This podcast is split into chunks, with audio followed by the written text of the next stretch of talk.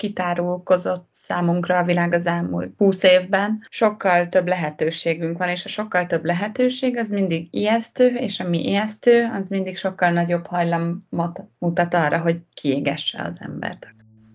Sziasztok, Mucsi Anna vagyok, ez pedig a Kedves Testem Podcast. A mai napon a témánk a kiégés, vagyis a hivatás depressziója. Erről beszélgetünk Radnóti Eszter krízis tanácsadó szakpszichológussal. Tartsatok velünk! A kiégés az elsősorban a segítő szakmában dolgozókat, orvosokat, nővéreket, pedagógusokat, szociális szférában dolgozókat érinti, de van egy nagyon érdekes csoport, akik szintén veszélyeztetettek a kiégés tekintetében, ők a pályakezdők. Kijössz az egyetemről, vagy hát kijössz onnan, ami a végzettségedet adja, és lelkes vagy, tudod, tele vagy tudással, tele vagy ambícióval, és van egy elképzelésed arról, hogy te majd itt megváltod a világot, meg milyen jó lesz, milyennek kell egy munkahelynek lennie, és hát ugye pofoncsap a valóság, mondjuk ki. Szóval, hogy azért a soha nem olyan, mint amilyet az ember elképzel. Mm. Az a vicces, hogy amikor pályakezdők szoktak hozzám jönni, és mondják, hogy hát már fél éve itt dolgoznak, nagyon akarják csinálni ezt a munkát, de hogy úgy már úgy kezdenek belefásulni, mit csináljanak, és akkor mindig azt mondom nekik, hogy ne legyenek ennyire lelkesek. Biztos én vagyok a főnököknek az ellensége. hogy ez a túlzott lelkesedés, ebben nagyon könnyű kiégni. Egy óriás tűzön lángolni, azt nem lehet folyamatosan. De ez egy nagyon jó tanács. Minden esetre az én klienseim szokták szeretni, mondom, a főnökükről nem tudok annyira. Ráadásul ugye a, pályakezdők azért általában nincsenek a legjobban fizetve, az alacsony fizettettség is egy, egy alulmotiváló tényező. Ráadásul ugye a pályakezdőnek sokszor nincsen még meg az a gyakorlati tapasztalata, amire minden munkában szükség van, és kicsit ez a folyamatos bizonytalanság, ami ott lebeg az ember fölött, amíg el nem sajátítja az a gyakorlati tudást is, az egy folyamatos stressz állapot, és hogyha hosszú távon a többi körülmény nem megfelelő, akkor ez a stressz állapot is át tud csapni abba, hogy bizony az ember rögtön kiégésbe találja magát. Én is az első munkahelyemen égtem ki nagyjából két év alatt. Most olvastam egy cikket a Forbes-on, hogy elvileg a Covid óta 9%-kal nőtt a kiégetteknek az aránya, már több mint 50%-a a kérdőívre válaszolóknak ki van égve a munkájában. Mi vezet a kiégéshez? Célszerű kettő részre bontani, hogy mi vezethet. Az egyik azok mindenképpen a személyes tényező. Ha az ember úgy érzi, hogy nem elég képzett ahhoz a munkához, hogyha kicsit nehezebben alkalmazkodik, önbizalomhiányos, hogyha nagyon meg akar felelni a dolgoknak, hogyha nem nagyon vannak megküzdési stratégiái, vagy nem jól működő megküzdési stratégiái vannak, hogyha szociálisan kicsit ügyetlenebb, mint a kortársai akár. Ezek a személyes tényezők, amik erre hajlamosíthatnak. És akkor van a munkahelyi tényező, amiben pedig azért nagyon sok faktort kell figyelembe venni, ugye leginkább a terhelés, az alacsony fizetés, a rossz körülmények, vagy a rossz lehetőségek, infrastruktúra is akár, a munkáltatónak az irreális elvárásai, a monoton munka, és szerintem a Covid-ban ez volt az egyik nagyon kiégető, hogy az ember minden nap fölkelt, nem ment el dolgozni otthon, monoton munkát végzett, ugyanazt csinálta, majd kiszállt délután a munkából, és kiment a családjához, de ugyanott volt, nem váltott környezetet, nem érték új ingerek. Ugye a hosszú munkaidő is egy kiégető tényező, ami szerintem szintén a sok-sok karanténos idő alatt megvalósult. Ugye az ember nehezebben szállt ki a munkaidejéből, hiszen itt volt a munkahelyed, a másik szobában, vagy uh-huh. még ugyanabban a szobájában, mert még az se valósult meg, hogy másik szobába tudjon menni. Covid alatt kevesebb visszajelzést kaptunk a munkánkról, hiszen online dolgozott a világ nagy része. Az, amit akár szóban az ember oda mond a kollégájának, hogy fú, ezt szuperül megcsináltad, ügyes vagy, az most nem történt meg. Gondolom, hogy talán emögött ez állhat, hogy így a Covid alatt ekkora kiégés történt, de ez, ez egyébként érdekes, nem is hallottam még ezt a felmérést, amit mondasz. Majd átküldöm. Hogy tudom megkülönböztetni, hogy szimplán nem vagyok elégedett a munkámmal, vagy kiégtem? Nehéz megkülönböztetni pont ezért a kiégést, mert hogy ez az a kiégésnek az egyik első lépése. A munkakörnyezetem nem megfelelő. Nem megfelelő a főnököm, nem megfelelő az az infrastruktúra, ahol dolgozom, nincsenek mondjuk lehetőségeim az előrelépésre, a fejlődésre, nem jövök ki jól a kollégáimmal, de hogyha ebben az ember benne ragad, és nem tud mondjuk a munkahelyen változtatni, vagy ezeken a tényezőkön, akkor az, az viszont automatikusan a kiégéshez fog vezetni.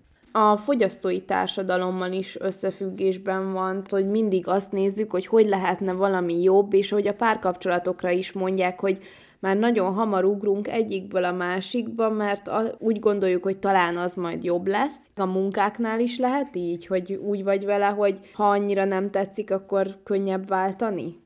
Igen, ez egy abszolút jó példa, amit mondasz, meg szerintem nem is csak a váltásban mutatkozik ez meg, hanem hogy könnyebb több pénzt keresni. Hogy lehet, hogy még nem is dolgozom sehol, de már arra gondolok, hogy dolgozhatok külföldön ezen a 15 helyen, itthon ebben elhelyezkedhetek. Ez a sok lehetőség, amit te is mondtál mondjuk akár párkapcsolatban is, egy idő után elveszítjük ezáltal a fókuszunkat, hogy mi is a jó, meg mit is szeretnénk. Kitárulkozott számunkra a világ az elmúlt 20 évben. Sokkal több lehetőségünk van, és a sokkal több lehetőség az mindig ijesztő, és ami ijesztő, az mindig sokkal nagyobb hajlamot mutat arra, hogy kiégesse az embert. A pályakezdőkön nagyon jól lehet modellezni a kiégésnek a különböző fázisait, a kezdeti lelkesedést, majd amikor realizálják, hogy nem minden úgy működik, ahogy ők elképzelték, akkor az ezután következő örömtelen munkavégzést, a fokozatosan egyre jobban megjelenő ingerlékenységet, és végül a fásultság igazi burnoutnak a szakaszát. Mit tudunk tenni, hogyha észleljük magunkon a burnoutnak a jeleit? Hát semmiképpen ne várja meg senki, mi kiég. Nem a jó mód, ez olyan, mint hogyha úgy védekeznék a Covid ellen, hogy megvárom, hogy elkapjam a Covidot, és nem elmegyek az oltásért. Én is megyek harmadik oltásra pénteken, úgyhogy Na, szuper, örülök. Nagyon várom, csak nem kaphattam még amúgy meg, mert az influenza oltás miatt várnom kellett. Szét leszek oltva.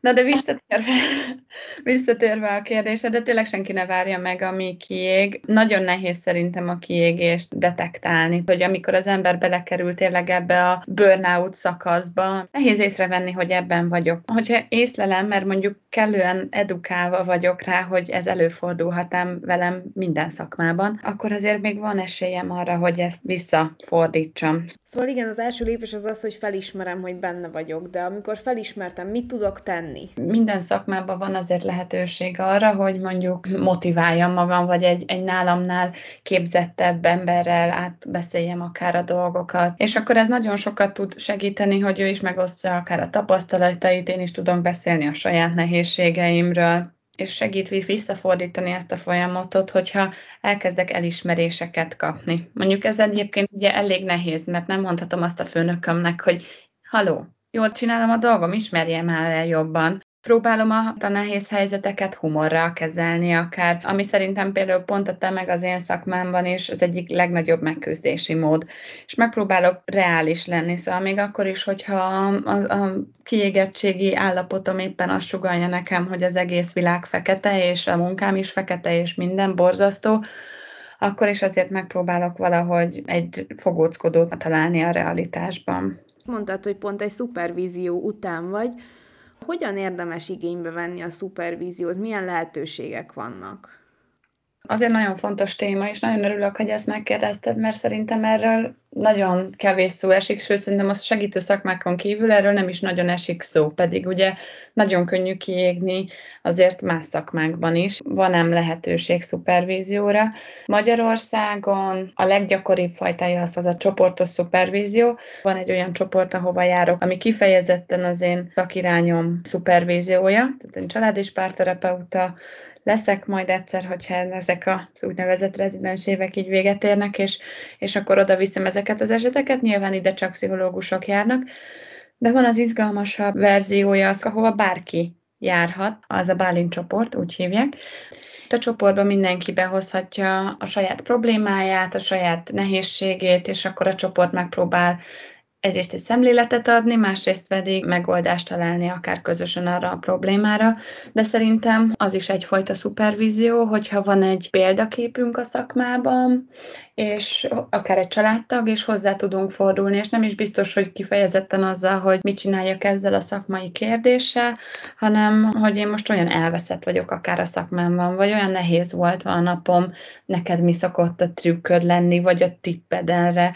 Általában a nagy okosok, a nagy öregek, akik már régebb óta vannak a szakmában, mindig tudnak egy-két olyan dolgot mondani, ami azon az adott napon akár átsegít. Nekem például az tökre bevált, hogy a, amikor leveszem a köpenyemet, vagy amikor átöltözök a munka végén, akkor elképzelem, hogy hú, most mindent, ami ma ott történt velem, azt itt hagyom. És ez nem mindig szokott sikerülni, de nekem szükségem volt arra, hogy valami kis rituálét kössek ehhez, hogy ha hazaérek, akkor minél kevésbé vetítsem ki a családtagjaimra, meg a szeretteimre. Ez az átzsilipelés, mi ezt így hívjuk a szakmában, amint mondasz, hogy bezárom azt a zsilipet, ami a munka ajtaja, és ezt a fejemben is bezárom, és kinyitom az otthon meg a magánéletem ajtaját. Nagyon fontos az, hogy a segítő szakmában dolgozók ezt megcsinálják. Én is egyébként szoktam ilyeneket. Én mindig autóval megyek dolgozni, és hazafele út, az egy ilyen fél óra kb. És az alatt szoktam magam mögött hagyni a, az autóúton. Meg egyébként szokott olyan lenni, amikor még így a rendelőbe tovább ülök kicsit a munka végével. Nagyon tudatosan próbálom ezt letenni. Jó hm. prevenciója a kiégésnek. De kicsit beszéljünk másokról is, akik nem a segítő szakmában dolgoznak, mert lehet, hogy már elkapcsolnak, ha ennyit beszélünk magunkról. Például a gyes, vagy ha valaki sokat van otthon a gyerekeivel, vagy háztartásbeli, végül is azért az is felemészti egy napját is egy munka, vajon abban is ki lehet-e égni?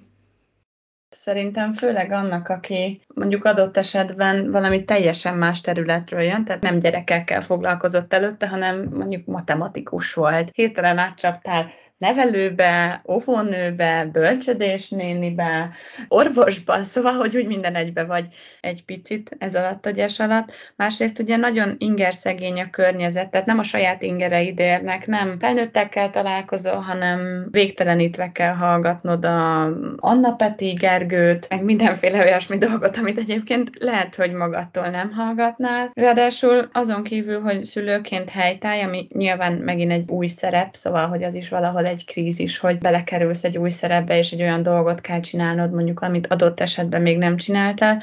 Egy idő után nagyon sokszor ez is monotonná tud válni. Szakmai kihívásoktól akár mentesen, hát ebben nagyon könnyen bele tudnak a kismamák, meg a kispapák is akár fásulni, és akkor ne is beszéljünk arról, hogy ugye azért mennyi hormonális változás is van ebben az időszakban, ami azért nem biztos, hogy mindig rásegít arra, hogy az ember jól küzdjön meg ezzel az időszakkal. Hasonló helyzetben lévő szülőben azért ilyenkor egy elég erős bűntudat is megjelenhet. Mit tudnak ők tenni, hogyha érzik, hogy belekerülnek ebbe a spirálba? Igen, ez a bűntudat, ez egy nagyon gyakori érzése a friss szülőnek, hogyha akár elmegyek egy öt percre a dolgozószobába, és magamra zárom az ajtót, mert már egyedül akarok lenni, ami ugye egy teljesen jogos szükséglet, mégis bűntudatot kelthet. Hát nagyon fontos itt is a társas megosztás, tehát hogy akár olyan barátokkal, barátnőkkel való kapcsolattartás, akik hasonló helyzetben vannak, mint én, és tudunk osztozkodni ezen a helyzeten, vagy ezen a nehézségen,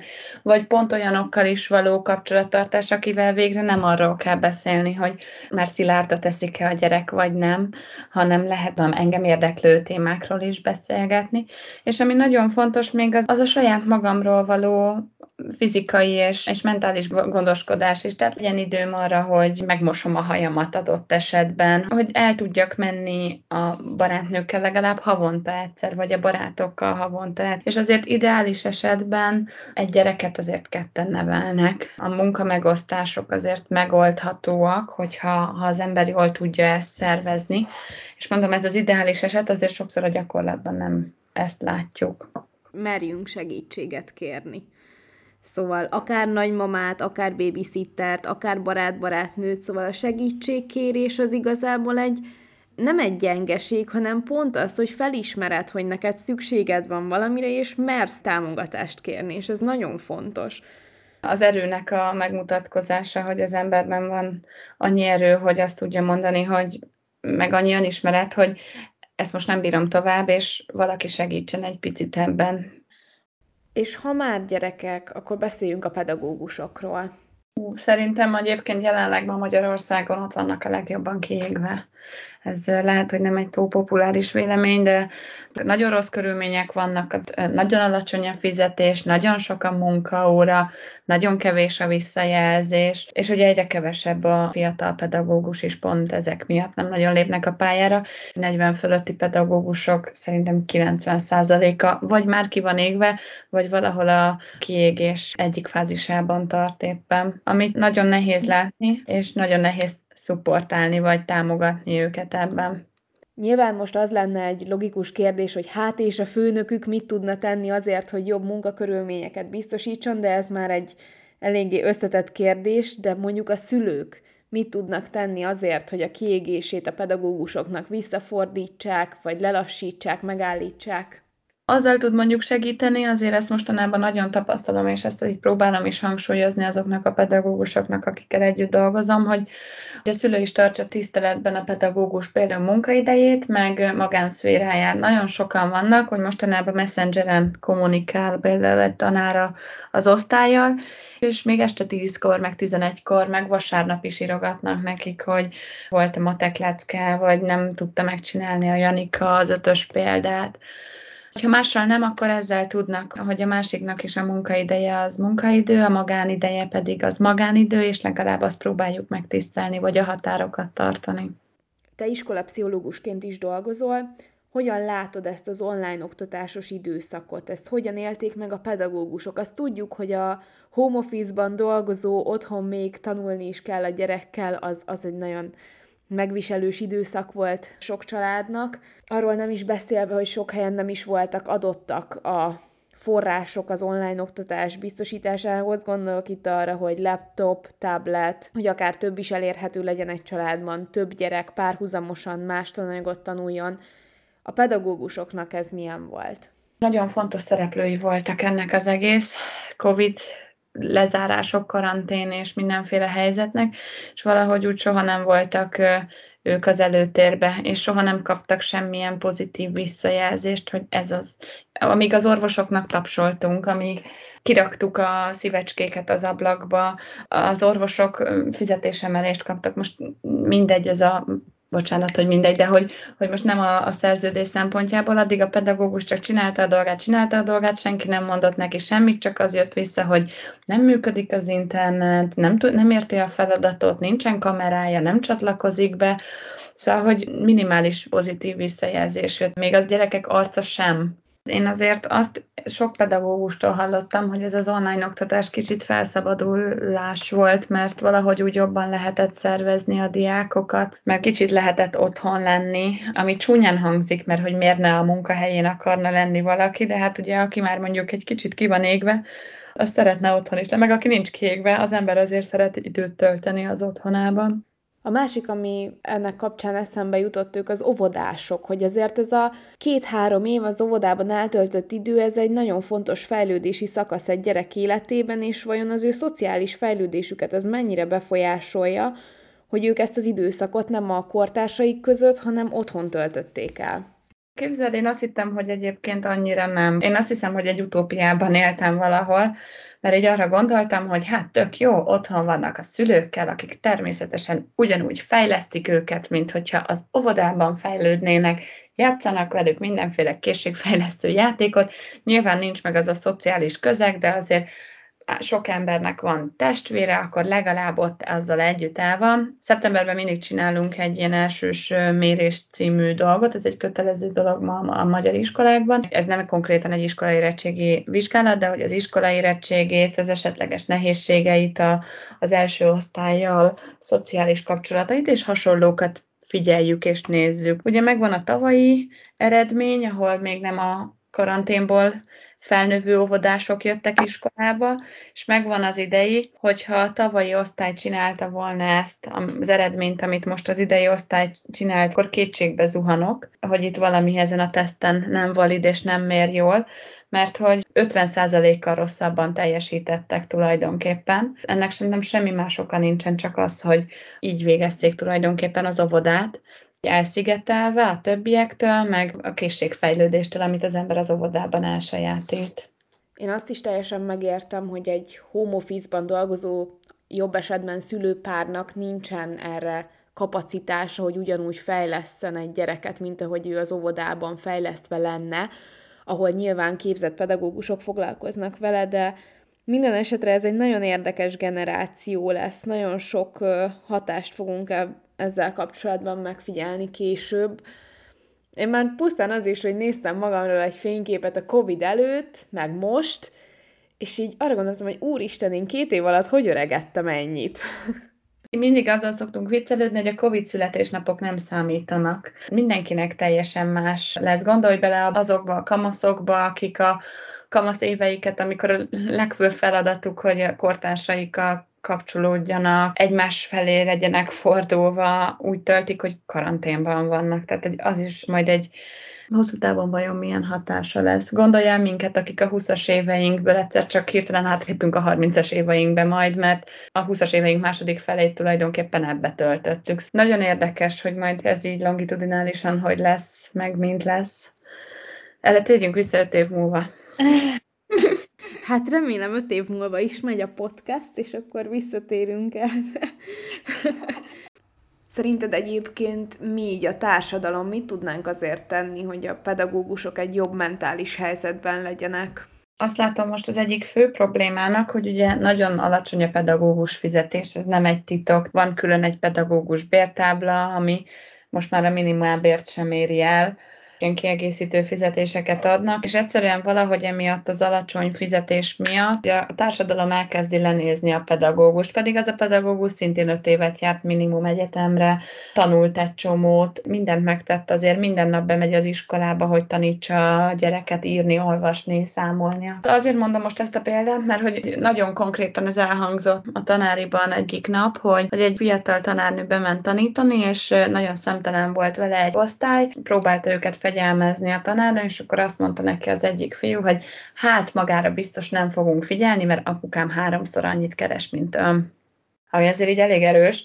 Ha mi szülőként nem hívjuk fel erre a társadalmi különbségre mondjuk így a, a pedagógus és a bárki között a figyelmet, akkor valahogy ez a tisztelet az, amit meg tudunk adni a pedagógusnak, akár azzal, hogy attól, hogy ő kevesebbet keres, nem nézzük le például logikusan. Amikor a gyerekünk azt mondja, hogy, hogy ez a tanár már megint olyan szemét volt, akkor lehet, hogy nem mindig a gyerekünk mellett állunk ki, hanem azért azt mondjuk jogos is lehet az, amikor a tanár adott esetben fegyelmezni próbál mondjuk. Ha mi is tiszteletet próbálunk sugározni a gyerekeinket tanító tanárok felé, akkor ott szerintem el tud kezdődni egy kis változás, és a tanárok is egy fokkal jobban megbecsülve érzik magukat talán, ami nyilván még nem elég a kiégés prevencióhoz, de ez egy lépés, amit mondjuk mi tenni tudunk, és azért ez nem egy olyan nagy erőfeszítés, ugye?